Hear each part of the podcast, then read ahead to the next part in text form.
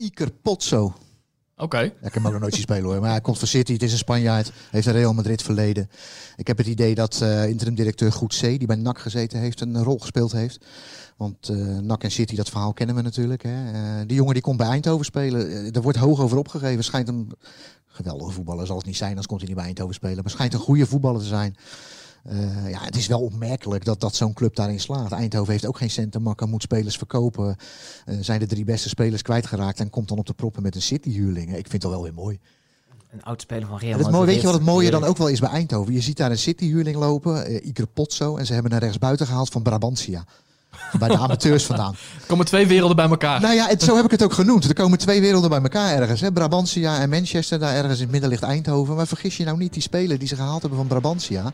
Dat is een, een jongen van Angolese komaf, Alef Joao. Ik vind het geweldig. Ik wil, ik wil er meteen even bij zeggen, dit is een podcast, niemand ziet dit. Ik heb allemaal papiertjes liggen om te spieken. Chris doet het allemaal uit zijn hoofd.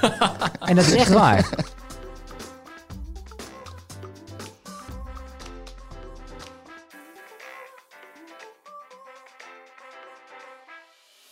Ja, welkom. Nieuwe aflevering van Scorebord Journalistiek. En is er deze week volledig in het teken van, in mijn ogen dan althans, de leukste competitie van Europa. De keukenkampioen-divisie. Want ja, de Champions League ligt net achter ons. Maar eh, de keukenkampioen-divisie begint aanstaande vrijdag weer. Dus hier aan tafel, rechts van mij, Chris Tempelman, allround keukenkampioen-divisie specialist. Ja, het zal maar op je cv staan. Goed scrabblewoord hoor.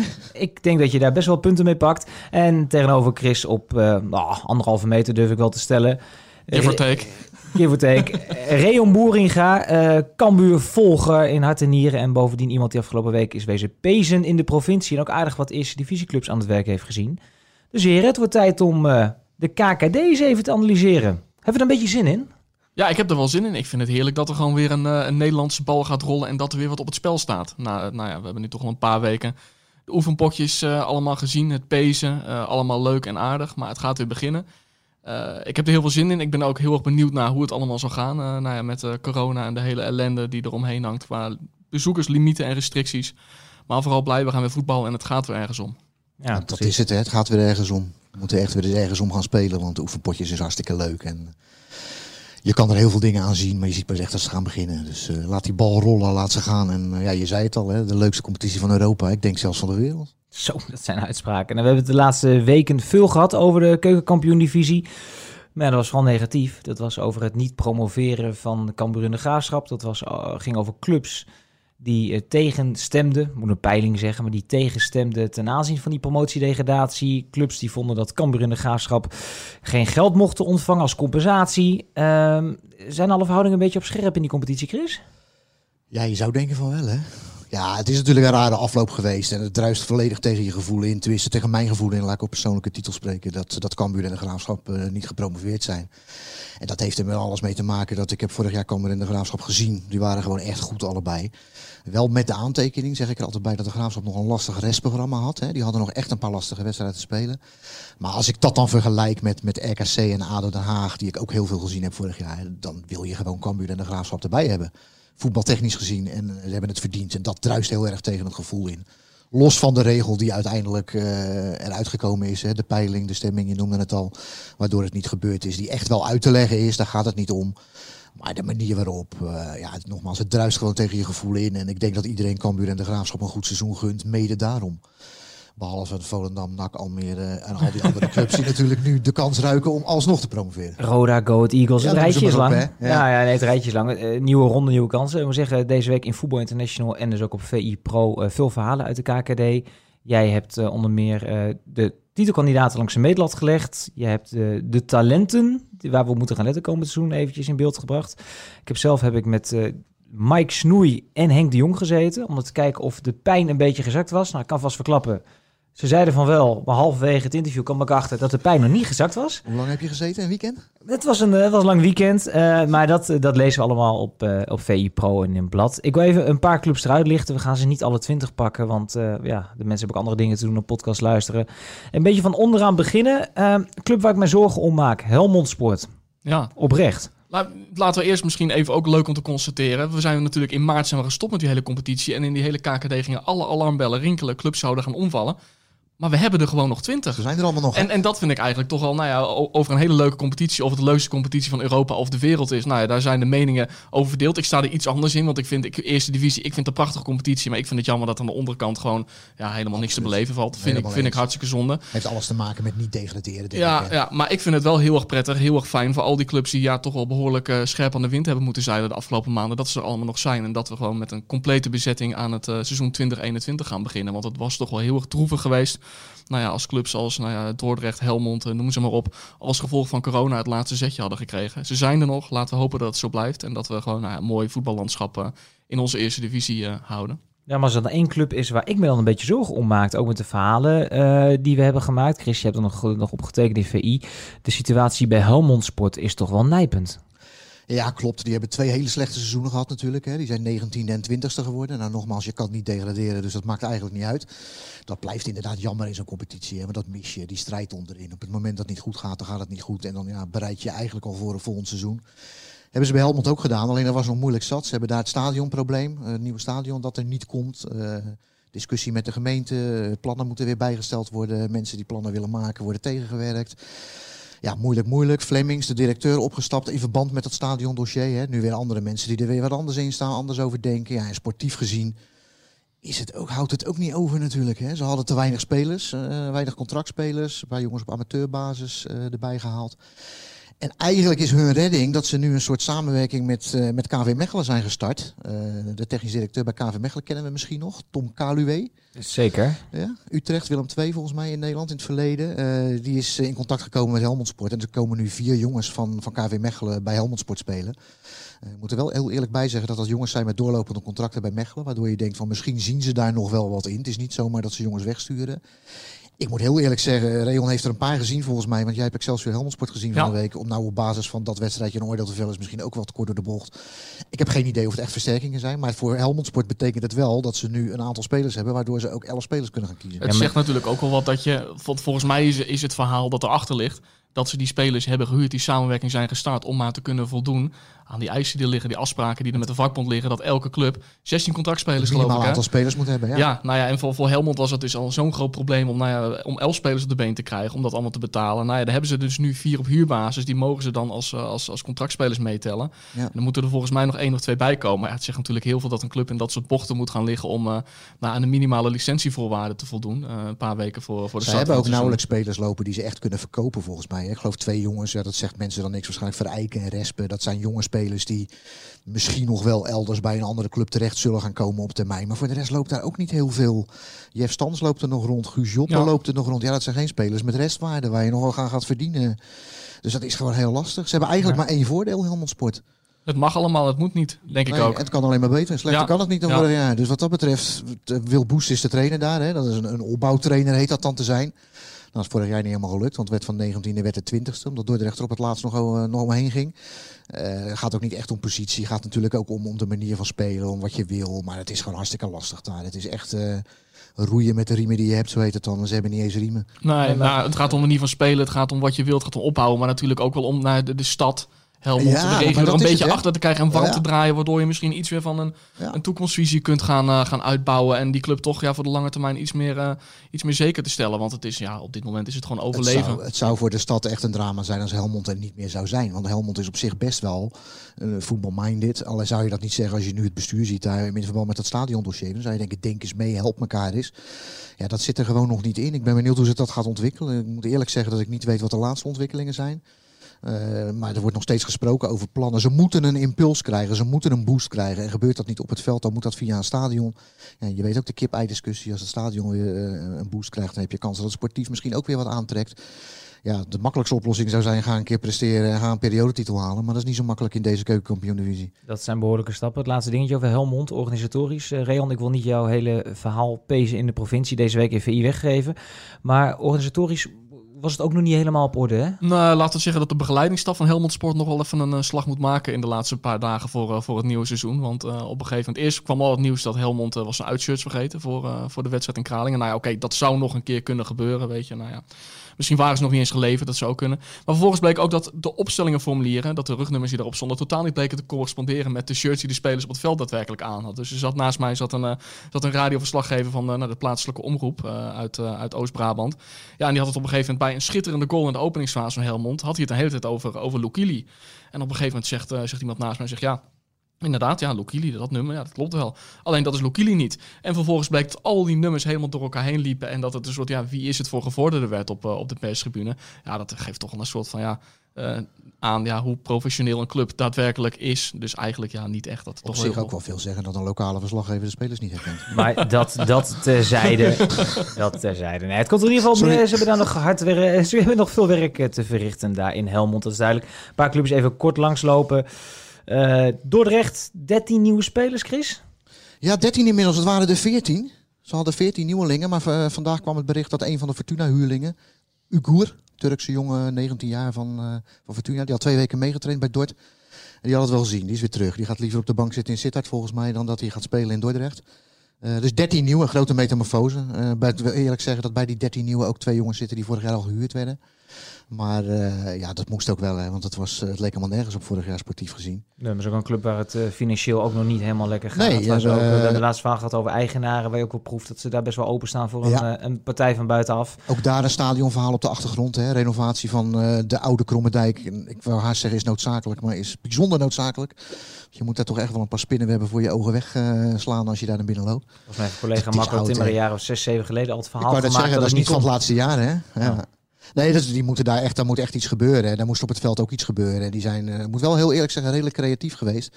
Met huurlingen en transfervrije spelers. Uh, ik zeg niet dat de ploeg ineens een stuk beter is. Maar in plaats van 19 moeten ze best 16 kunnen worden. Nee, dan pik ik nog eventjes. Uh, jij hebt FC Os gezien en uh, jij begon over FC Eindhoven, wat een City-huurling heeft gehaald. Ja, in de, in de eerste divisie kan alles ik wel Jupiler League zeggen, merk ik bij mezelf. Dat hoor ik nog steeds uh, heel vrij vaak omheen. Die namen zijn goed ingedraaid. Maar even een, een City-huurling in Eindhoven en FC Os. Neem even mee, heren. Eerst Eindhoven. Ga je gang. Iker Potso. Oké. Ik heb hem nog nooit zien spelen hoor. Maar hij komt van City, het is een Spanjaard. Heeft een Real Madrid verleden. Ik heb het idee dat uh, interim-directeur Goed C, die bij NAC gezeten heeft, een rol gespeeld heeft. Want uh, NAC en City, dat verhaal kennen we natuurlijk. Hè. Uh, die jongen die komt bij Eindhoven spelen. er wordt hoog over opgegeven. Schijnt een geweldige voetballer, zal het niet zijn, anders komt hij niet bij Eindhoven spelen. Maar schijnt een goede voetballer te zijn. Uh, ja, het is wel opmerkelijk dat, dat zo'n club daarin slaat. Eindhoven heeft ook geen cent te makken, moet spelers verkopen. Uh, zijn de drie beste spelers kwijtgeraakt en komt dan op de proppen met een City-huurling. Ik vind het wel weer mooi. Een oud speler van Real Madrid. Weet je wat het mooie dan ook wel is bij Eindhoven? Je ziet daar een City-huurling lopen, uh, Iker Potso, en ze hebben een rechtsbuiten gehaald van Brabantia bij de amateurs vandaan. Er komen twee werelden bij elkaar. Nou ja, het, zo heb ik het ook genoemd. Er komen twee werelden bij elkaar ergens. Hè? Brabantia en Manchester, daar ergens in het midden ligt Eindhoven. Maar vergis je nou niet, die speler die ze gehaald hebben van Brabantia. Dat is een, een jongen van Angolese komaf, Alef Joao. Ik vind het geweldig. Ik wil, ik wil er meteen even bij zeggen: dit is een podcast, niemand ziet dit. Ik heb allemaal papiertjes liggen om te spieken. Chris doet het allemaal uit zijn hoofd. en dat is echt waar. ja, ik heb hem toevallig wel een keertje zien spelen. Een razendsnelle, handige jongen. Dat zou best maar zomaar eens zo'n verrassing in zo'n keukenkampioen-divisie kunnen zijn. En dan vind ik het grappig dat je dan aan de ene kant, volgens mij is die jongen rechts buiten, die Joao hebt. En aan de andere kant heb je dan Iker Potso. Ja, dat is toch geweldig? Je zal er als spits tussen lopen. Zou je wel een voorkeur hebben. Het leuke aan dit vind ik nu al. Ik ga nu toch met meer belangstelling naar FC Eindhoven kijken dit seizoen. Dus wat dat betreft werkt deze podcast. Uh, jij hebt FC Os gezien, uh, Reon. Ja, en daar werd ik nog niet heel erg vrolijk van. We hebben nee, nee, we hebben natuurlijk twee seizoenen geleden hebben ze echt een heel mooi jaar gedraaid. Hè, met Klaas Wels. Uh, 5-3-2, Brian Smeets. Die echt als een soort van ja, de grote regisseur daar, uh, daar de boel wegzetten. Ze hadden voorin. En moet je me even helpen aan die naam van die jongen die later... Dogan? Dogan. Hadden ze echt een heel goede aanval ja. staan. Ik vond het uh, in NEC, tegen NEC bijzonder kwaliteitsarm. Verdedigend heel erg broos. Aanvallend niks gezien waarvan ik denk van nou, dat gaat wat worden. Met name aanvallend hebben ze volgens mij nog nauwelijks wat gedaan. Er zaten ja, een stuk of vier, vijf proefspelers bij. Ja, dat geeft wel aan dat jij, als jij in de tien dagen voordat het seizoen begint, dat jij nog in de fase zit van, nou ja, vier, vijf proefspelers uitnodigen, hopen het... op beterschap en de, dan alsnog met 4-0 van afgaan tegen NEC, dat nou het afgelopen seizoen ook bepaald geen hoogvlieger was. Ja, dat is nou niet echt vaak het probleem bij een clubje als Os. Hè. Bij Helmond is dat volgens mij ook nog wel het probleem. Er zijn nog zoveel proefspelers. Die selecties zijn nog helemaal niet klaar. En nu mag, mogen ze nog langer spelers aan gaan trekken. Hè, doordat die transfermarkt nog langer open is. Juist voor dit soort clubs die uiteindelijk die keuzes moeten maken. Is, dat maakt het er niet makkelijker op. Want spelers gaan wachten. Spelers willen, ja, die gaan niet zomaar voor Top Os tekenen. Met alle respect voor Top Os. Die kijken eerst nog eens om zich heen. Of misschien nog ergens wat anders. eh, of er nog een vierde klasse uit Duitsland is die wat interessanter is. Ik noem maar wat geks. En dat is- vind ik wel een nadeel voor dit soort clubs. En bij Top Os is het altijd zo. Die komen pas aan over een paar maanden. als ga je daar pas een ploeg zien. En ik vind het met name jammer voor Klaas Wels. En dat, want dat is echt. Jij noemde de 5-3-2 al. Het is, het is niet een uitvinder. Ik bedoel, alle trainers zijn uitvinders. Maar hij Ja, heeft het, dat- het was wel onderscheidend ja, het was onderscheidend. Het was moment. anders. Hij heeft daar echt ideeën over. Hè. Het is een bekend verhaal dat hij eh, Sheffield United volgt, omdat hij ook zo spelen. Hè. Dat vind ik mooi om te horen, dat soort verhalen. Ik vind het echt, zo'n trainer zou echt eens een kans ergens anders verdienen. Want met het materiaal wat hij bij Os moet werken. Het is leuk als het was die wat presteert. Ik Als zag, je eh, ik zag- krijgt, maar Ik zag Niels Fleuren zelfs als inverted wingback, zoals het heel modieus heet, op, aan de rechterkant. Oh, oh, wacht, oh, wacht even. Ja, dat Ik- klinkt heel modieus. ik- Je wel, twee dingen. Eerst eh, Niels Fleuren, dat is Ja. voor mij de cultheld van VVV, die Ja. daar 3000 jaar zat. Waarvan ik denk, ja, dat is gewoon een beperkte verdediger. En Ja. dat is het dan wel. En dan was het inverted wingback. Inverted wingback, zoals, Ja, zoals denk Pep dat- Guardiola dat ik denk noemen. dat Wels dat ook zo gezegd heeft tegen Fleuren. Jij bent een invertent. Sorry, sorry, sorry, maar waarschijnlijk even Niels Fleuren hebben ze drie keer aan hem moeten uitleggen. Leg ook even mij, wat is een inverted wingback? Het betekent, Niels, dat je niet aan de kant staat waar je altijd staat, maar aan die kant aan de andere kant van het veld, zeg maar. Dus waar je normaal nooit komt. En dan moet je de bal moet je dan vooral ja, niet gaan voorzetten, maar gewoon met passes naar de binnenkant, naar het middenveld bedienen. Nou ja, Duidelijk, op, Niels? Op 33-jarige leeftijd wordt hij dus nog even uit, uit de comfortzone getrokken door Klaas Wels. Of waarschijnlijk, eh, wat denk ik iets plausibeler is, ja, door eh noodbreekt wet. En Niels Fleuren moet eh, ja, gewoon maar even zijn, eh, even zijn eh, taak vervullen op Ja, dat is rechtsback. wel, Want dat er is wel mooi, hè? want er lopen meer van dat soort spelers rond. Hè? Wat oudere spelers, die de, eh, Lyon Kaak kennen we nog. Die heeft nog een keertje in, in Spanje gespeeld, toch? Bij Valencia op de bank gezeten, heb ik al eens gelezen. Ja, en niet gespeeld, maar ja. Niet gespeeld, maar rondgelopen. Mooi Eh, verhaal. Kaki. Ja, maar Ja. Piqué, Stuy van de Herik, dat zijn jongens die daar al, al, al jaren rondlopen. En die dat 5-3-2 zo'n twee jaar geleden ook inderdaad wel onder de knie hadden. Want tegenstanders hadden daar moeite mee. Ik heb het idee dat tegenstanders er nu iets anders tegenaan kijken. Het gebeurt ook vaker, ingesteld hè? hebben. Het gebeurt nu iets vaker. En het blijven, met alle respect voor topoors, wel beperkte voetballers waar je het mee uit moet voeren. Moeten we het nog over de toekomst van eh, Ronald Koeman hebben, junior? Ja, ik weet niet of die al benaderd is. Hij was er niet bij. Officieel, Was er niet bij? officieel vanwege een blessure. Hoe Maar noemen ja, we dat? Transfer Jostie? een transfer, Jostie, ja. Ik zag, ik zag op eh, social media zag ik een hele leuke voorbij gaan. Dat de, mooiste transferjostie was de foto van Koeman. Die daar eh, op het vliegveld in Spanje liep. Van de transferjostie. Die vader van Ronald, Ronald Koeman junior is gesignaleerd op het vliegveld in eh, Barcelona. Goed hè? ja, dat hij is heeft leuk. wel, moet wel even bijzeggen trouwens, hij heeft wel concurrentie gekregen. Hè? Want die jongen van de Graafschap eh, is naar eh Topos gekomen. Rondeel. Ja. Ik heb het vermoeden dat dat de eerste keeper gaat worden. Ah, misschien heeft Barcelona B of C nog een eh, keeper nodig. Dat zou zomaar kunnen. Zou ja. niet de eerste mag, ik, mag ik nog één ding over Eindhoven roepen? Dat is misschien al. Ja, eh, maar dan sluiten we daarna kort, eh, Ja. daarna kort maar af. anders vergeten we het grootste talent in de, in de keukenkampioen-divisie. Want dat loopt ook in Eindhoven rond. Vertel. Kai de Roy. Zeker weten. Waarvan ik me heel zeker afvraag of die, eh, als de transfermarkt dicht zit, nog steeds in Eindhoven. Ja, dat vraag ik me ook af. Want er speelt van alles rondom de jongens. Een linksbuiten. eh, volgens mij is hij 18, 19. Eh, echt een goed spelertje. Echt een goede linksbuiten. En eh, ik kijk Real maar even aan. Er is volgens mij een buitenspeler weggegaan bij Heerenveen. Ja. Ik zou het blind doen. Het is wel eh, natuurlijk in, eh, qua budget is dat natuurlijk voor, voor Heerenveen wel allemaal wel haalbaar. Gewoon een, linksbuiten uit de eerste divisie, talentvol. Een speler die met allemaal groeipotentie heeft. Ik heb een stuk minder zien spelen dan jullie.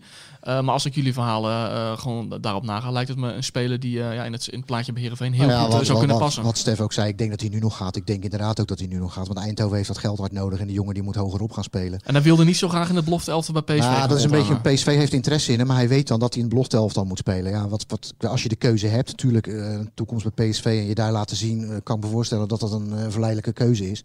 NAC heeft ook interesse. Volgens mij heeft Utrecht, Utrecht. ook geïnformeerd. Ja. Hè? Dat, dat zal dan ook belofte elftal worden.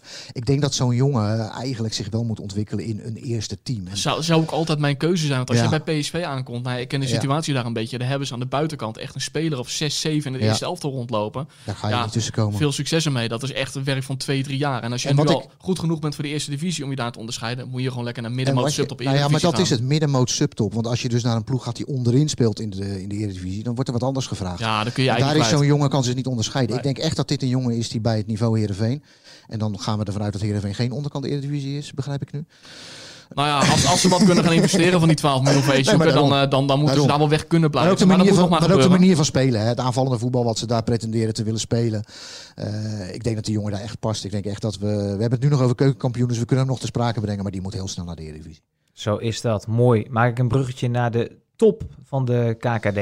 Uh, voordat dit een uh, aflevering zomergasten wordt of 24 uur met, uh, ga ik ze wel wat inkorten. Ik begin even met een paar ploegen waar ik op voorhand zelf van denk van ja, leuk dat ze erbij zijn. Qua naam zouden ze volgens mij ook gewoon mee moeten doen voor promotie. Maar ik zie het niet gebeuren met de selectie. Ik noem Go Ahead Eagles, Rode JC. Ja, Rode JC is echt gewoon een, een wederopbouwmissie natuurlijk. Hè? Met, uh, met Jurgen Streppel en met, met Jeffrey van As. En daar toch wel wat mij opviel. Ik heb de afgelopen week heb ik er even een, een, stuk over geschreven ook. Dat me opviel dat ze daar behoorlijk op routine in zetten. Kees Luiks, uh, Klaassen, Vossenbelt. Het is toch een ploeg ja, waar relatief weinig waarde op het veld staat. Die al, al jaren financiële problemen heeft. En ja, die dan toch nu behoorlijk aan het inzetten zijn op ervaring. Dus dat zijn ook geen spelers die nou ja, over één of twee jaar uh, misschien eens een keer van terwijl ze, vorig, verkopen. terwijl ze vorig jaar wel met een paar jongere gasten gespeeld hebben. Hè. Er zijn er nog een paar van over volgens mij. Ja, met Mitchell Keulen, die linksback vind ik wel een aardig spelertje. Die Soeren op het middenveld. Soeren is goed, ja. Nicky is Nicky Soeren, goed spelertje. Maar inderdaad veel, veel routine. Goppel en Krauks aan de buitenkant. Dat vind ik wel aardig. Want dat zijn jongens, uh, die, ja, die, die rennen gewoon het stadion uit als ze een bal krijgen. Dus die moet je wel op tijd terughalen om nog een voorzet te geven. Volgens mij moeten ze nog spits hebben, als ik het zo zag. Ja, daar hebben ze, daar hebben ze ja. alleen op dit moment uh, Reemans rondlopen. Ja, nou, dat ja. is wel echt aan de lichte kant, letterlijk en figuurlijk. Ja. Dat, uh, dat denk ik ook. Ja. Maar, maar dat is inderdaad wat je zegt, wederopbouw. Dat, dat gaat tijd kosten. Dat wordt niet dit jaar. Maar het is voor Roda wel goed dat er nu een trainer zit, Jurgen Streppel. Uh, die bij Herenveen en met name Willem II en Helmond echt heeft laten zien dat hij met beperkte middelen uh, wel echt wat kan neerzetten. Heeft wel voetbalvisie, heeft ideeën over voetbal en weet het over te brengen naar een selectie. nou, bij Herenveen was het, nou ja, hij heeft geen onvoldoende gehaald, maar een dikke voldoende was het ook niet. Maar hij heeft dat wel laten zien dat hij dat kan. En ik denk dat het bij Rode JC dat het gewoon echt een hele goede trainer daarvoor kan, kan zijn. Die daar de komende jaren ja, iets kan gaan neerzetten. Denk ik ook. Wat dat betreft is die keuze van Roda natuurlijk eindelijk eens een keer een juiste keuze. Zo kunnen we het ook wel benoemen volgens mij. Ja, ik denk het grootste probleem bij Roda is dat in die organisatie rustig moet blijven. Ik denk ja. dat Streppel daar ook mee te maken heeft. Als Streppel daar de kans krijgt om twee, drie jaar te gaan werken, te gaan bouwen, dan komen ze ergens. Maar dat is ook de financiële situatie ja. wat we nu uh, Je kunt alleen bouwen op het veld als het ernaast rustig blijft. Er zijn geen Mexicanen en Russen meer, toch? Het is nee. Wat dat betreft zijn het allemaal mensen uit de regio zelf. Nou, ze hebben bijvoorbeeld die Jan Hoekstra gehuurd van Groningen. Is jonge keeper, hele talentvolle, zit ook bij de nationale teams. Maar ja, dat is wel de situatie waar je nu in verkeerd. Uh, dan gaan we zien. Go Ahead Eagles ambitieus. Ik verhaal met Alex Kroes in de VI, ja. de, de nieuwe groot aandeelhouder. En die wil zijn aandelen zien stijgen aan alle kanten. nummer 14 van Nederland worden, toch? Ja, en ik kijk naar de selectie en ik zie wat daar vertrokken is. Navratiel weg, Liefdink weg. Nou ja, uh, Pauwels in mindere mate belangrijk, maar wel bij Cambuur nu als backup. Keeper ook weg, hè? Verhulst. Hobby Verhulst is weg, dus ik moet nog uh, uitvechten onder lat wie dat wordt. Ja, ik, ik heb hem toch een beetje slecht gevoel bij het Go Ahead ja, wat er nu staat. Ik vond interview van Alex Kroes van, uh, van collega Marco Timmer heel erg interessant. Maar hij presenteerde zichzelf en zijn visie zo droog zakelijk. Aan de ene kant is het heel oprecht en open. Dat je zegt van nou, zo ga ik het doen, zo kijk ik ernaar. En nou, voor iedereen is het duidelijk, dus er kan ook niemand overkomen zeiken.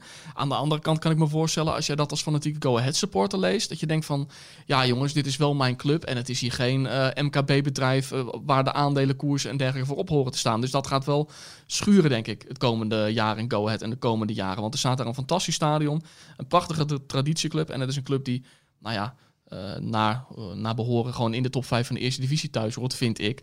Alleen ja, dan is het wel zonde om te lezen dat een eigenaar een jongen als Liefdink laat lopen, omdat ja, dat past dan niet precies in de zakelijke ontwikkelingsstrategie, uh, ontwikkelingscurve die jij dan voor de club voor ogen heeft. En dan denk ik van ja, voetbal is bedrijfsmatig, voetbal is uh, cijfertjes, maar voetbal is ook echt emotie. En op het moment dat dat uit balans raakt, ja, dan gaat het wel schuren. Dus ik ben heel erg benieuwd hoe dat de komende maanden, jaren bij Go Ahead gaat, uh, gaat ontwikkelen. Maar zeker ook bij een volksclub als Go Ahead Eagles ja, natuurlijk. Ja, dat is het, hè? dat is het. Die achterban, ja, jij stipte het al aan, die, gaat dat, die ziet dat niet. En het bedrijfsmatige, natuurlijk, voor mij is de en-en. Het moet allebei zijn. En nu, nu mis je wat. En nu mis je een kwalitatief goed elftal. Het enige waar ik wel heel nieuwsgierig naar ben, is naar de trainer Kees van Wonderen. Ja. Uh, niet alleen gezien het materiaal wat hij heeft. Maar ik bedoel, daar wordt best hoog over, hoog over opgegeven. Hè. Assistentrol bij, bij Koeman. Uh, was die belangrijk, inbegrepen we dan? Wilde op eigen benen staan. Zou het eerst bij NAC worden, werd het toen niet. Omdat daar wat oneenigheid, uh, zoals altijd in, bij NAC, in het bestuur was. en in de Raad van Commissarissen. Is uiteindelijk bij Go Ahead terechtgekomen. Waar je nu Bosveld en Van Wonderen hebt. Dat klinkt leuk, hè? Kan je erboven zetten voor Rotterdam. Ja. Bosveld en Van Wonderen gaan Go Ahead op de kaart zetten.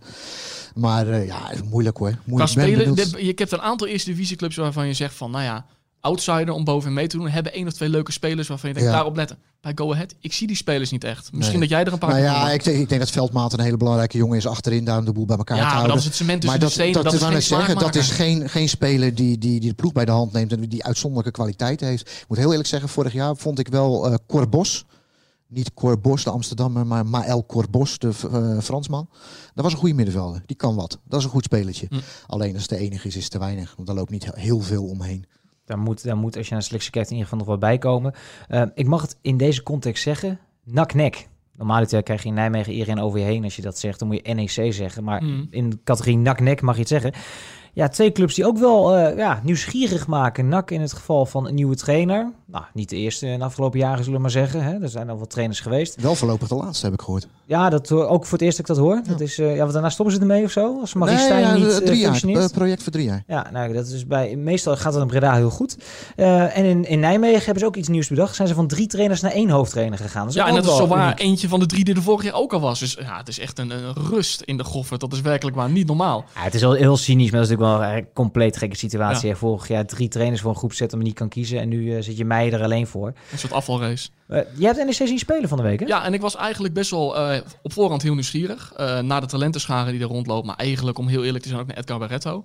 En ik heb ze gezien tegen FC Os. En ik ben eigenlijk wel heel positief verrast over de ploeg die daar staat. eh, de manier waarop gespeeld werd. Eh, met Barretto echt als achterste man op het middenveld. Die af en toe echt ja, fantastische trekballetjes gaf over de verdediging. Die het spel leest. Die dat de jonge grut om hem heen aanstuurt. Zegt hoe er gelopen moet worden. Zegt welke ruimtes afgedekt moet worden. En nou, zo hier en daar voetballend laten zien dat hij eigenlijk veel te goed is voor de eerste divisie. Kon niet meer zo goed lopen. Kan je ook niet meer verwachten van iemand van 35, 36 jaar. Dus daar zou Rogier Meijer wel een modus voor moeten vinden. Dat hij een beetje in de middelcirkel kan blijven om daar ja, de, de boel aan te sturen. Maar dat vind ik wel interessant wat je nu zegt. Ik herinner me nog in het jaar dat eh PEC Zwolle, toen nog FC Zwolle promoveerde, hadden ze ene Arne Slot op middenveld lopen. Ja. Die kwam bij voorkeur de middencirkel niet uit. Nou, dat is, en dat is dit scenario Schoon- inderdaad schoon- ook wel. schoon Ja. broekje ook, hè? Die had een schoon broekje, niks aan hand, maar dat was de bepalende man. Ja. En elke vrije trap ging erin en was dan. Maar, maar kan dat anno alle- 2020 Ja. ook nog? Er lopen bij, lopen bij NSC ook echt een aantal interessante talenten ook rond. Hoor. Ik bedoel, het is een club die sportief en financieel in heel onrustig vaarwater heeft gezeten. Maar het fijne voor hen is wel dat er toch de aanwas van talent is. Hebben natuurlijk nu Moussaba verkocht. Maar ook nog op rechtsback Van Rooij, op het middenveld Proper, voorin Romani. D- er loopt daar wel wat rond, wat gewoon in de loop van het jaar eh, allemaal spelers kunnen worden die... eh, van nou, wat ze de afgelopen jaren waren, basis eerste divisie, echt tot goede eerste divisie spelers. En als je dat aan de hand van een speler als Barretto, eh nou, en achterin van Eide, waar toch ja, wel een beetje de sleet op zit, maar toch nog een ervaren speler, eredivisie bagage, enzovoort, enzovoort. Als het allemaal bij elkaar blijft, al- als het allemaal fit blijft. ehm, ja, mijn samenvatting in mijn uh, Pees in de provinciestuk is dat het mij niet zou verbazen als Edgar en zijn neefjes komend jaar eh, toch nog wel Ze- positief gaan verrassen. Edgar is een neefje, Ze hebben mooi. wel mazzel gehad hè, bij NEC dat hij ze net nu gezien heeft. Want daarvoor was het nog niet zoveel in de voorbereiding. Maar ja, ik heb ook een wedstrijd gezien. ik ga je volledig af op, op Os, Nee, het was, tuurlijk, goed, het was goed van Nee, maar ze Nijmegen. hebben het, maar de, de, de conclusie is terecht, want Barretto deed toen ook nog niet mee. En ik denk echt dat dat een slok op een borrel gaat schelen.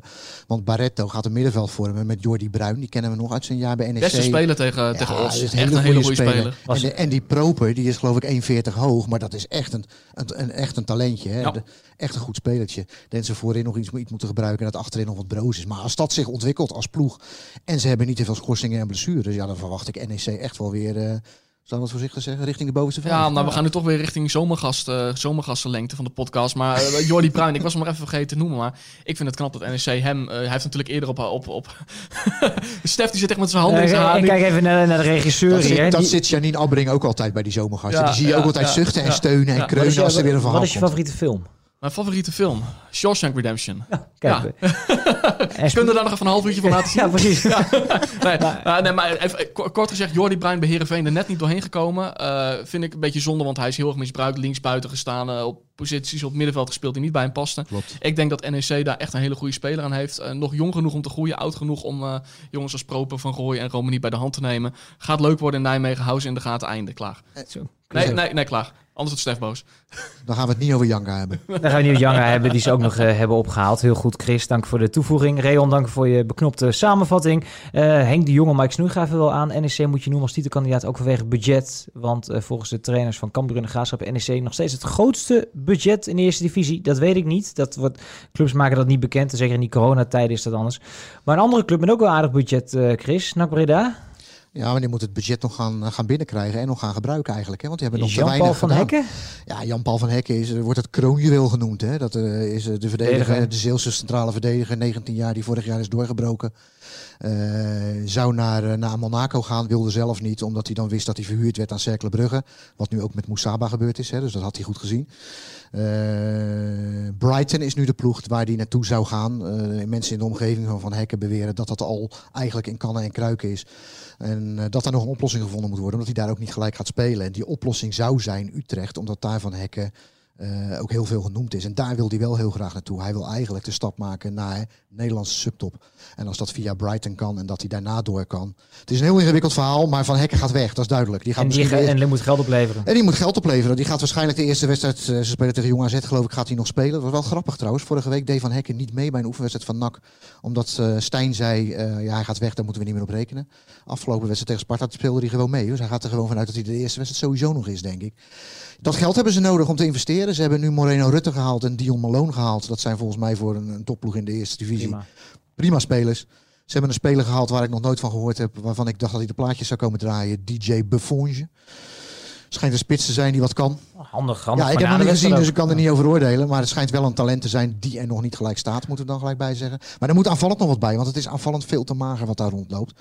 En ze hebben echt nog spelers nodig eh, ja, om verschil te gaan maken. Om goals te gaan maken. En, eh, kijk, Stijn gaat het wel voor elkaar krijgen om daar een ploeg neer te zetten. Dat is natuurlijk de, echt met afstand de belangrijkste aanwinst hè, voor, voor NAC. Na zoveel onrustige jaren dat je eindelijk een trainer hebt die Ja. zich bewezen heeft. Als ze deze er ook nog uitgooien binnen een jaar, ja, dan kun je, moet, je, moet je gewoon ophouden. Dan, dan, dan stoppen we ermee. Ja, maar dan heeft het wel echt helemaal geen zin. Ik vind, dat, ik vind Stijn, eh, ja, ik vind hem eh, echt een van de betere trainers van de Eredivisie Nou ja, over de afgelopen name, jaren door name, VVV. En die had eigenlijk nu ook in die Eredivisie moeten zitten. En dat hij bij NAC instapt, is voor hem eigenlijk net iets onder zijn niveau. Maar voor, voor NAC is dat een heel, echt een geschenk uit de hemel. Hoor. Het enige wat ik proef in Breda en omgeving is hartstikke fijn dat Stijn er is. Fijn dat de rust een beetje terugkeert. Alleen het voetbal wat Stijn speelt, en dat hij vooral in Venlo heeft hij dat gedaan, toch wat behoudend. Toch wat, Ja. eh, wat, oh, wat eerder wat lange ballen spelen, dat Ja, soort zaken. Dat Ja, en een avondje nak. Kijk, de supporters zullen er nog niet massaal in mogen. Ja, maar jij dat weet is toch volle bak naar voren toe. Dat klopt, maar jij weet ook hoe het werkt bij een avondje nak. Als ze met 1-0 met lelijk voetbal vinden, vinden ze het ook mooi. Als de bier... Nemen ze toch een biertje extra. Ja, dat is natuurlijk wel. Hè. Als, Dus op eh, de, ja, de, de rust daar terugkrijgen kan alleen maar met resultaten. Ik bedoel, zo werkt het in Breda. Ze kunnen allemaal roepen van we gaan leuk voetballen, dit en dat. En ze halen geen punten.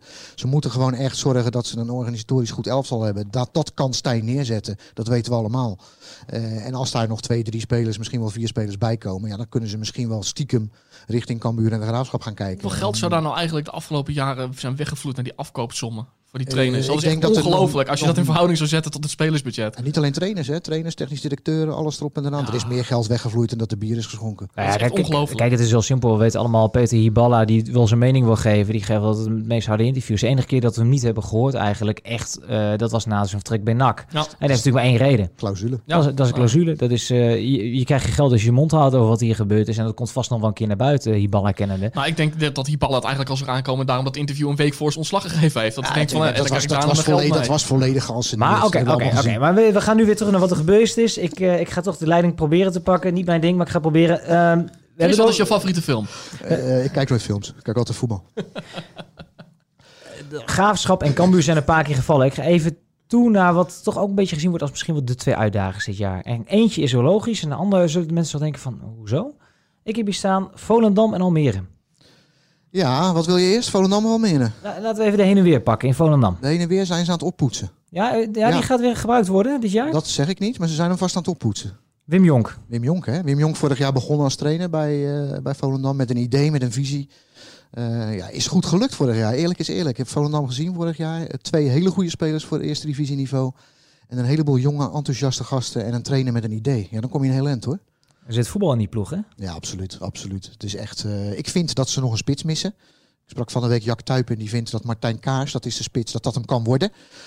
Heb ik nog niet gezien vorig jaar, moet ik eerlijk zeggen. Eh, ik vind dat ze aanvallend echt nog wel iemand moeten hebben die makkelijk de goals maakt. Maar er zit gewoon voetbal in die ploeg van Waar, waarom achteruit. zit Nicky van der Ven daar nog? Ja, omdat Mino- ja, nee, omdat- Omdat. Mino Raiola zijn zaakwaarnemer is. Die zegt van doe even rustig aan. Blijf even bij Volendam. Nou, dat zegt Mino niet vaak. Nee, dat was een knipoog. die zag je niet, hè? Nee, Mickey van der Ven is vorig jaar doorgebroken. Is een jonge speler die, eh, die potentie heeft. Hè. Nieuwe Matthijs de Ligt eh, hoor je dan. Eh, ik heb een paar keer gezien, een paar keer gesproken. Zit een goede kop op, heet het dan ook. Verstandige jongen. Ik denk echt dat het goed is dat hij daar nog een jaar zit. Of hij het ook volhoudt, weet ik niet. Ik weet dat Ajax en AZ hem echt wel op de korrel hebben. Ik weet dat AZ toen eh Ja. duidelijk dat de Wuiters wegging, dat ze echt Ja, overwogen hebben. Dat was een je- hele in de periode van eh, hoe gaat het met corona? Ja. Wat gaan we bij de overheid Ja. aan geld krijgen? Eh, hoe zit het wel of geen Champions League voetbal?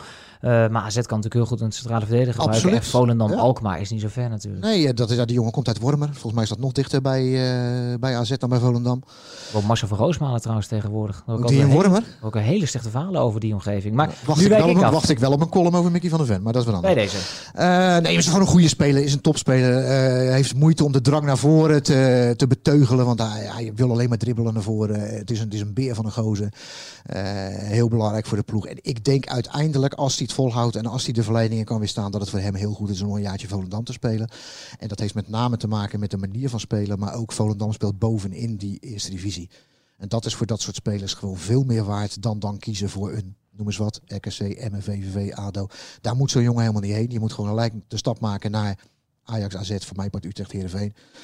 Maar die jongen, die gaat er komen. Daar hoeven we ons geen zorgen over te maken. Dat gaat echt wel gebeuren. Eh, ik denk voor Volendam heel belangrijk dat hij gebleven is. Hè.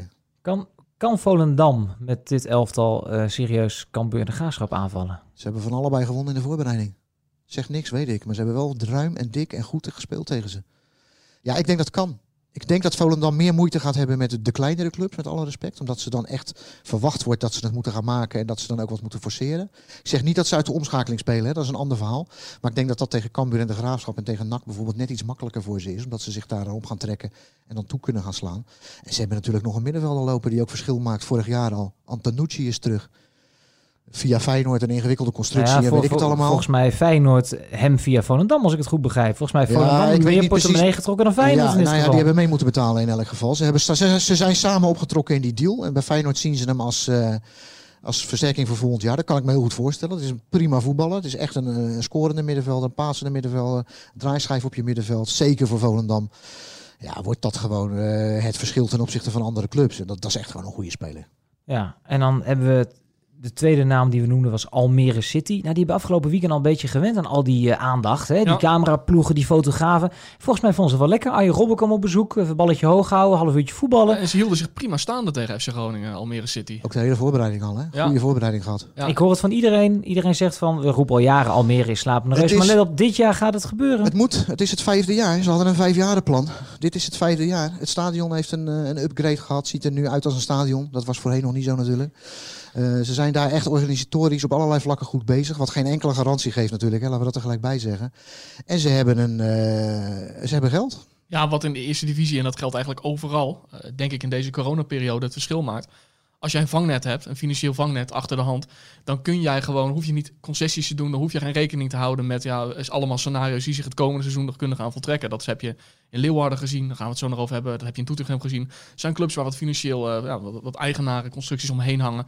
Die kunnen eh, eventueel een eh, flinke tegen zich opvangen. En dat geldt voor Almere natuurlijk ook. Die kunnen gewoon hun plannen doorzetten, ondanks ja, de onzekere periode die voor heel veel clubs nou ja, behoorlijk erin heeft gehakt.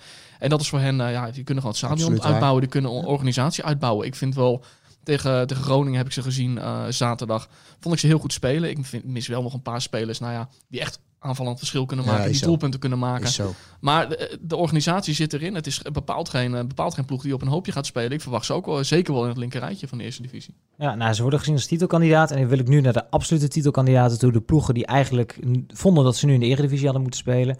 Cambuur en de Graafschap. Uh, Cambuur had een straatlengte voorsprong vorig jaar. Hè. Die stonden zeven punten voor volgens mij al op, eh, op de Graafschap op dat moment. Ja, Die waren er eigenlijk al. Die waren ook al aan het investeren in Eredivisie voetbal. Ja, als ik naar die selectie kijk. eh Muren is weer terug. Stevens is weer terug. Nou, ze hebben de links en rechts hebben ze een Pauwels nog opgehaald als backup. Ja, Ka- dat- Cambuur twee vingers in de neus, toch? Het enige wat ze kan gebeuren is dat ze door overschatting of dat er mentaal iets gebeurt van ja, we hebben dit allemaal al laten zien. Dat, dat, dat er een bepaalde vorm van scherpte ontbreekt of dat frustratie gaat ontstaan. Maar je moet gewoon zeggen, door de druk. Maar je moet gewoon zeggen, door, dat, door wat ze hebben laten zien en door die hele groep die bij elkaar is gebleven. Ja, dan is Cambuur gewoon de torenhoge favoriet om, eh, om het waar te maken. En wat ik net zei over Almere, dat geldt ook voor Cambuur. Maar ja, er zit gewoon geld achter, er zit een spelersfonds achter. Er zitten gewoon een aantal gefortuneerde supporters achter die zeggen... joh, jullie kunnen een beetje investeren. Als het verkeerd gaat, springen wij bij. Ja, en dat is in de eerste divisie natuurlijk goud waard. Want je hoeft het geld niet eens te gebruiken, maar weten dat het er is als het verkeerd gaat. Of als je in de, eerste, of, of in de winter nog wat nodig hebt. Ja, dat is natuurlijk een hele prettige wetenschap. Dus ja, wat dat betreft Dat- zit Cambuur echt in een zetel. En dat stadion, dat is volgend jaar? Nou, dat stadion, dat vind ik nog wel echt een, eh, een, een dossier. Daar, daar zeg ik zelf pas van, eh, daar geloof ik pas in dat het er staat en dat het gaat staan als ik heel wat palen in de grond zie staan. Want Als je is- erin zit. maar, dat, maar dat is de afgelopen jaren, nou, dat is een, ik heb daar een paar maanden geleden een keer Ja. verhaal over gemaakt. Dat speelt al vanaf het jaar 2000. En het is de afgelopen twee jaar echt heel concreet geworden. De plannen, de tekeningen, de vergunningen, eh, alles, alle aanvragen. Alleen wat er gebeurt is dat er steeds op het moment dat het dan echt lijkt van nou we kunnen over een paar maanden die eerste palen gaan slaan. Ja, dan komt er weer ergens een beer oversteken en die gaat midden op de weg staan. Uh, dus ja, het idee van de bouw is nu dat het rond de winterstop volgens mij gaat, uh, gaat beginnen. En dat is de oplevering weer met twee jaar uitgesteld. Um, nou ja, voor Cambuur is echt een grote mazzel dat daar een aantal gefortuneerde mensen omheen hangt die zeggen van joh, wij blijven investeren, wij staan voor die club tot die overbrugging naar het nieuwe stadion, totdat de club meer in staat is om zichzelf financieel uh, overeind te houden. Want als je dat niet had gehad, ja, dan had je richting dat nieuwe stadion toch in een heel ander traject gezeten. Dus wat dat betreft mogen ze echt in Leeuwarden hun handjes dichtknijpen met die mensen die uh, heel veel doen, heel veel garant staan, maar toch uh, ja, dat in de luwte doen. Niet uh, met een kop op de voorpagina's hoeven, maar ze zijn er wel degelijk. Ja, plus het feit dat er een paar mensen daar zijn, dat als het stadion er komt, dan mogen die wel een standbeeld hebben. Ik denk aan Arte Graaf, Gerald van der Belt. Die zijn dag en nacht bezig met dat stadiondossier. Daar zul je helemaal gek van worden Die hebben, die hebben in busjes gezeten met buurtcommissies door steden heen, door, door stadswijken heen rijden. Ja, dat is echt dat is Daar een kun je project auto lange parkeren. adem, joh. Henk, standbeeld toch dan? Henk de Jong, ja, maar die, als Henk de Jong nu weer weet te promoveren, dan krijgt hij een standbeeld toch? Ik, ik denk dat het stadion naar vernoemd wordt. Zo'n skybox. Ja, en la- maar laten we, laten we, Henk de Jong speelt een grote rol, maar iedereen weet ook wel, eh, Sander van der Heijden, de tacticus, eh, de tacticus, de Assistent van Henk op papier. Assistent plus eh, kunnen we dat we noemen. Ja, Henk is natuurlijk eh, behalve eh, hoofdtrainer ook een ja, soort eh, marketing manager, Manager, ja. commer- commercieel uithangbord, icoon van, van Cambuur aan het worden. Maar de man die echt voetbalinhoudelijk daar ook het verschil maakt, dat is echt zeker Sander van der Heijden. En dat is trouwens, dat doen we Henk helemaal niet mee tekort, want Henk de Jong Ze die geeft dat zelf ook, samen, toch? die geeft dat zelf ook aan ook, interviews. Ik ben veel met de manager. Ik ben hier gewoon een beetje, ja, laten we zeggen, de Sir Alex Ferguson rol aan het bekleden. Maar de man die echt de oefeningen uitzet, die de tactische voorbereiding grotendeels doet, is Sander van der Heijden. Heeft hij zelfs diploma? Eh, daar was hij afgelopen seizoen mee bezig. Of hij Oké. is inmiddels binnen heeft, weet ik niet. Maar dat traject dat liep wel. Dus ik denk uiteindelijk zal er natuurlijk een keer een periode aanbreken dat Henk de Jong niet meer de trainer van Cambuur is. Nou ja, en dan kun je toch wel uittekenen dat Sander van der Heijden een keer dat stokje gaat overnemen. Henk heeft wel eens gezegd dat op, een- op een dag wil hij het omdraaien. Dat Sander Ja. hoofdtrainer wordt, dat hij de assistent van Sander wordt. Maar ze hebben daar een, een ervaren technische staf met ook wat mensen die eerder al bij de club hebben gewerkt. Dus dat, eh, dat ziet er goed uit. Pascal Bos gaat ook, hè? Ja, die is er ook naartoe gegaan. Eh, nog een spits die altijd maar terugkomt en altijd blijft scoren. Marta Barto, Martijn Barto. Peter van der Vlag, keepers. Ja. Mensen die uit het verleden daar een dienst hebben... eh, mensen die aan het verleden naam hebben gemaakt. Een belangrijkste reis voor de club. Eh Cambuur, titelkandidaat buiten kijf. De Graafschap daarentegen, volgens Mike Snoei, 13 spelers kwijtgeraakt inmiddels. Hij zal het weten. Ja, daar zal hij niet om liegen, toch? Maar dat is best veel. Maar hoeveel van de basis? Ja, kijk, dat, dat- dat- het ligt eraan. Stefan Nijland is dat basis. Ja, daar was, zat er een beetje tussenin, hè, geloof ik. Ging er tegenin. Ze zei, ik weet dat even uit mijn hoofd. Woesoe, de rechtsback is weg natuurlijk. Van de Bomen is weg. Vet. Vet is weg. Ja. Dat- Jurrius is weg. Ja, dat gaat hard. Dan heb je wel wat potentiële Ja. basisspelers. die Dat is inderdaad Ook de wel aardig, die ook wel aardig seizoen in het spoor kon blijven Ja, vangen. ook wel aardig wat teruggehaald, hè? Want eh, niet doen alsof hij nu 13 spelers minder heeft. Nee, nee, dat doet Mike Snoei ook niet. Ik moet Nee, wel zeggen nee, dat Mike Snoei, want uiteraard eh over gehad, hij was eh, waar Henk de Jong alle verwachtingen nog een beetje tempert en ook heel graag wil zeggen wie alle concurrenten zijn. Is Mike Snoei wel heel, heel duidelijk. Die zegt, ja, wij zijn de graafschap en wij moeten gewoon bij de eerste twee eindigen. Wij moeten promoveren. Dat hoort bij deze club. Eh het is een welgevraagde selectie wat in te krimpen. Eh, ook gewoon financiële beweegredenen, maar wel kwalitatief beter te maken. En ik heb hier het lijstje in mijn hand. Ik, ik doe het niet in mijn hoofd, Chris. Maar ehm, Rick Dekker gehaald, Julian Lelyveld, Elmo Liefdink, Joey Konings, Danny Verbeek, Rodi de Boer en Jonathan Opoku. Daar staat echt gewoon een goede selectie hoor. Ja, en dat vooral die combi van Opoku en, en Seuntjes. Zeuntjes, Die ja. kennen we nog, hè? Uit, uit die Venloze periode, dat gaat natuurlijk wel goud waard zijn. Helemaal omdat de graafschap in tegenstelling Cambuur wil graag voetballen. De graafschap iets sneller die lange bal, lekker direct spel richting die spinnenkop. Kan ook, dat is hè? natuurlijk met die twee mannen voorop, twee boomstammen die echt kunnen scoren, is in de eerste divisie echt goud waard. Ja, en ook die spelers die jij net opnoemt, dat zijn natuurlijk typisch spelers die zeker in die top van die eerste divisie gewoon van, van grote waarde kunnen zijn. Hoeven niet eens allemaal te spelen. Ik neem aan dat zo'n Konings, dat er bijvoorbeeld een jongen is die achter de hand is aanvallend gezien. Is een prima spelertje voor zo'n ploeg. Zal die zelf anders over denken? Ja, maar ik nee, denk maar ik dat dat bedoel, ik weet niet hoe Mike het in gaat vullen. Hij heeft ook van Michem nog lopen, hè? daar is hij gek van, van dat soort spelers. Dat Vind ik ook een hele goede speler trouwens. Ja, maar dat zijn, ze hebben heel veel ervaring natuurlijk. Hè? Heel veel jongens die al net even wat meer meegemaakt hebben. Eh, ik denk dat ze er nu ook een hele, dat hadden ze met Jurjes al, maar gewoon een goede keeper bij hebben met, met Rodi de Boer. Rodi de Superboer, hè, heb ik al gehoord. Ach, ja, ja, hij is Ja, gemaakt. ja, Wordt ja. Gehuurd van. AZ. Volgens mij is het, volgens mij is het spandoek al gemaakt. Oké, dat door Ja. de familie van Rodi zelf? Of? Dat denk ik Ja, wel. waarschijnlijk wel. Ja. Maar eh, ja, ze hebben gewoon goede, goede spelers. Lelyveld is denk ik ook gewoon een prima vervanger op rechtsback voor, voor Owusu. Eh, ik ben alleen benieuwd. eh, druk bij de graafschap is net even wat anders dan bij Cambuur, vind ik. Eh, dat geldt niet alleen voor Mike Snoei, maar ook voor een bepaald, een bepaald aantal spelers. Dat zag je vorig jaar ook al een beetje. Als het spannend werd, ze speelden veel gelijk hè, vorig jaar. Ze verloren nauwelijks, maar ze hadden wel moeite soms om wedstrijden te winnen. En ik denk dat met name, we hebben net die ploegjes al genoemd, hè, Almere, eh, Excelsior, NEC, weet ik het allemaal. Dat soort uitwedstrijden, dat wordt wel een test voor de graafschap, denk ik. Los van het feit dat zij, denk ik, de breedste selectie van allemaal hebben. Nog steeds. Ja, volgens mij wel. Je noemde net al die spelers al op. eh, 13 spelers weg, dat geloof ik graag. Maar er staan volgens mij nog echt 18 tot 20 goede die je gewoon op kan stellen. En dat is veel voor een eerste divisieploeg. Dus mannen, de belangrijkste uitdaging voor Cambuur? Ja, nog altijd wel. En dat vind ik vooral gewoon door de aanwezigheid van mensen die op dat niveau ja, hebben gewoon laten zien doelpunten te kunnen maken. weten wat er gevraagd wordt Ja. op dat niveau. En, dat, dat, en ook gewoon gezien ja, wat ze vorig seizoen hebben laten zien. Dus ja, wat mij betreft, eh, ja, de, de, de druk ligt volledig bij Cambuur. eh, en in mindere mate bij de Graafschap. En ik denk toch dat, eh, nou ja, Chris heeft al die ploegen denk ik iets meer in actie gezien. Maar ik denk toch dat dat tussen die twee en de rest van de eerste divisie toch nog wel een kwalitatief en kwantitatief gaatje zit. Wat helemaal in de maanden februari, maart, april wel het verschil gaat maken. Ja, dat denk ik ook. Ik denk dat je na Cambuur en de Graafschap dat je Volendam en NAC krijgt. En dat je daarna eh, de ploegen die we besproken hebben. Hè, Almere, eh, Excelsior hebben we niet eens besproken. Heeft nog steeds diezelfde verdediging als vorig jaar trouwens. Die er eh, vier per wedstrijd tegen kreeg. Succeskeeper. Daarom, dus dat wordt, dat wordt lastig. En NEC heel nieuwsgierig naar Roda Go Ahead hebben we al afgeserveerd. Hè. Moet wat, moet wat langer over, over gedaan worden om terug te komen. Ja, je hebt altijd een paar ploegen die, die een keer een verrassende uitslag neerzetten, maar die niet bij die bovenste plekken gaan spelen. Dus ja, Cambuur de Graafschap. Mede door vorig jaar en wat ze nu gedaan hebben, of dat nou door het geld komt wat ze gekregen hebben, begin over gehad of niet. eh, ja, die steken er gewoon bovenuit en moeten het waarmaken. En dat laatste, daar ben ik wel heel nieuwsgierig naar, want daar moeten ze wel mee omgaan. Tot slot van deze zomergasten. De belangrijkste aanwinst hebben we helemaal niet genoemd, heren. Meervoudig international.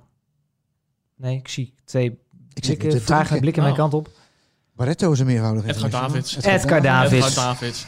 Ja, ja, Tels, ja, Telstar. Ik heb bij Telstar heb ik, ik vind het, ik vind het leuk. Ik heb bij Telstar altijd heel erg een dubbel gevoel. Even voor de duidelijkheid, hij was assistent trainer. Assistent Ja, dat we niet denken dat hij ineens mee gaat ballen. Nee, nee, nee. dat dat zou kunnen. zal weinig schelen, denk ik. Maar ik heb bij Telstar altijd een beetje een, dubbel gevoel. Aan de ene kant, ik vind het superleuk hoe zij daar met heel bescheiden middelen toch een club eh, in stand weten te houden. En daarmee altijd op een bepaalde originele manier de media en de aandacht weten te trekken. Aan de andere kant vind ik ook een beetje dat het kunstje wat ze heeft onderscheiden, een beetje een kunstje om het kunstje geworden is. En dat ik denk van ja, jongens, dit vind ik wel echt zo'n club. Laat eens een keer sportief wat zien. En laat het iets minder om de randzaken gaan. En om het kijkers ons leuk Telstar zijn gaan. En ga eens gewoon lekker voetballen. Daarom vind ik het ook wel leuk dat Andries Jonker daar trainer is. Want Ja. er wordt wel echt gevoetbald. Dat is natuurlijk wel een man met voetbalverstand. Je mag ervan vinden waar je ervan vindt. Dat is gewoon een goede trainer. Ja. Eh, met heel veel jonge gasten daar. Eh, Er zullen ongetwijfeld weer spelers rondlopen die wij nog helemaal niet kennen. Kennen we Katjoets vorig jaar? Nee, dat is nieuw voor ons. Ja, zij schoot er, Fantastisch 21, gedaan. schoot er 21 in en speelt nu bij Sparta. Zo'n speler ga je bij Telstar echt weer vinden. En ik ga nu nog niet zeggen wie het is, want ik weet het ook niet. Nee, precies, precies. Maar ik, het is ook wel de eerste stappen van Edgar Davids. eh, weer in trainersvak bij, eh, in Nederland. Die begint daar bij Telstar. En die is nou over vijf jaar hoofdtrainer van Ajax. En die wordt dan op een gegeven moment Ik las, bondscoach. ik las al ergens dat hij wel bondscoach wilde worden, toch? In een combi-rol. Oh, in een combi-rol. Ja, ja, volgens mij was dat nou, uh. Maar hij pas net getekend. Ja? Oké. en En je hij- moet ambities hebben. Oh ja. Van Telstar naar Oranje is niet zo groot. Aan de hand van Jonker ontwikkelen. Oké. Is- Komt Edgar Davids uit 1963 of niet? Dat is belangrijk bij Telstar. Dat, eh, de- waarschijnlijk nu wel op Oh, zijn eh, oké. profiel. Hoeveel R'en zitten er in zijn achternaam? Oké, heren, dit lijkt mij het punt om deze podcast te beëindigen. Ik dank jullie eh, bij de hartelijk. Vrijdagavond gaat de keukenkampioen-divisie weer van start. Het is een beetje versnipperd, zodat eh, heel veel wedstrijden lekker live op televisie uitgezonden kunnen worden. Dus eh, wij, het publiek, zijn wat dat betreft de grote winnaar. Deze week eh, in VI en op VI Pro heel veel verhalen over de keukenkampioen-divisie. Waarin we ja, ja, een beetje vooruitblikken, hè? een beetje wat we nu hebben gedaan. Maar dan met iets minder filmtips. Chris Tempelman, Reon Boeringa, dank jullie wel en eh, veel plezier vrijdagavond. De film van vrijdagavond. Cambuur NEC. Dat is wel mooi, dat is wel een eh, ja, affiche. Gelijk kijken. Gaan we voor zitten. Mannen, bedankt. Graag gedaan. Alsjeblieft.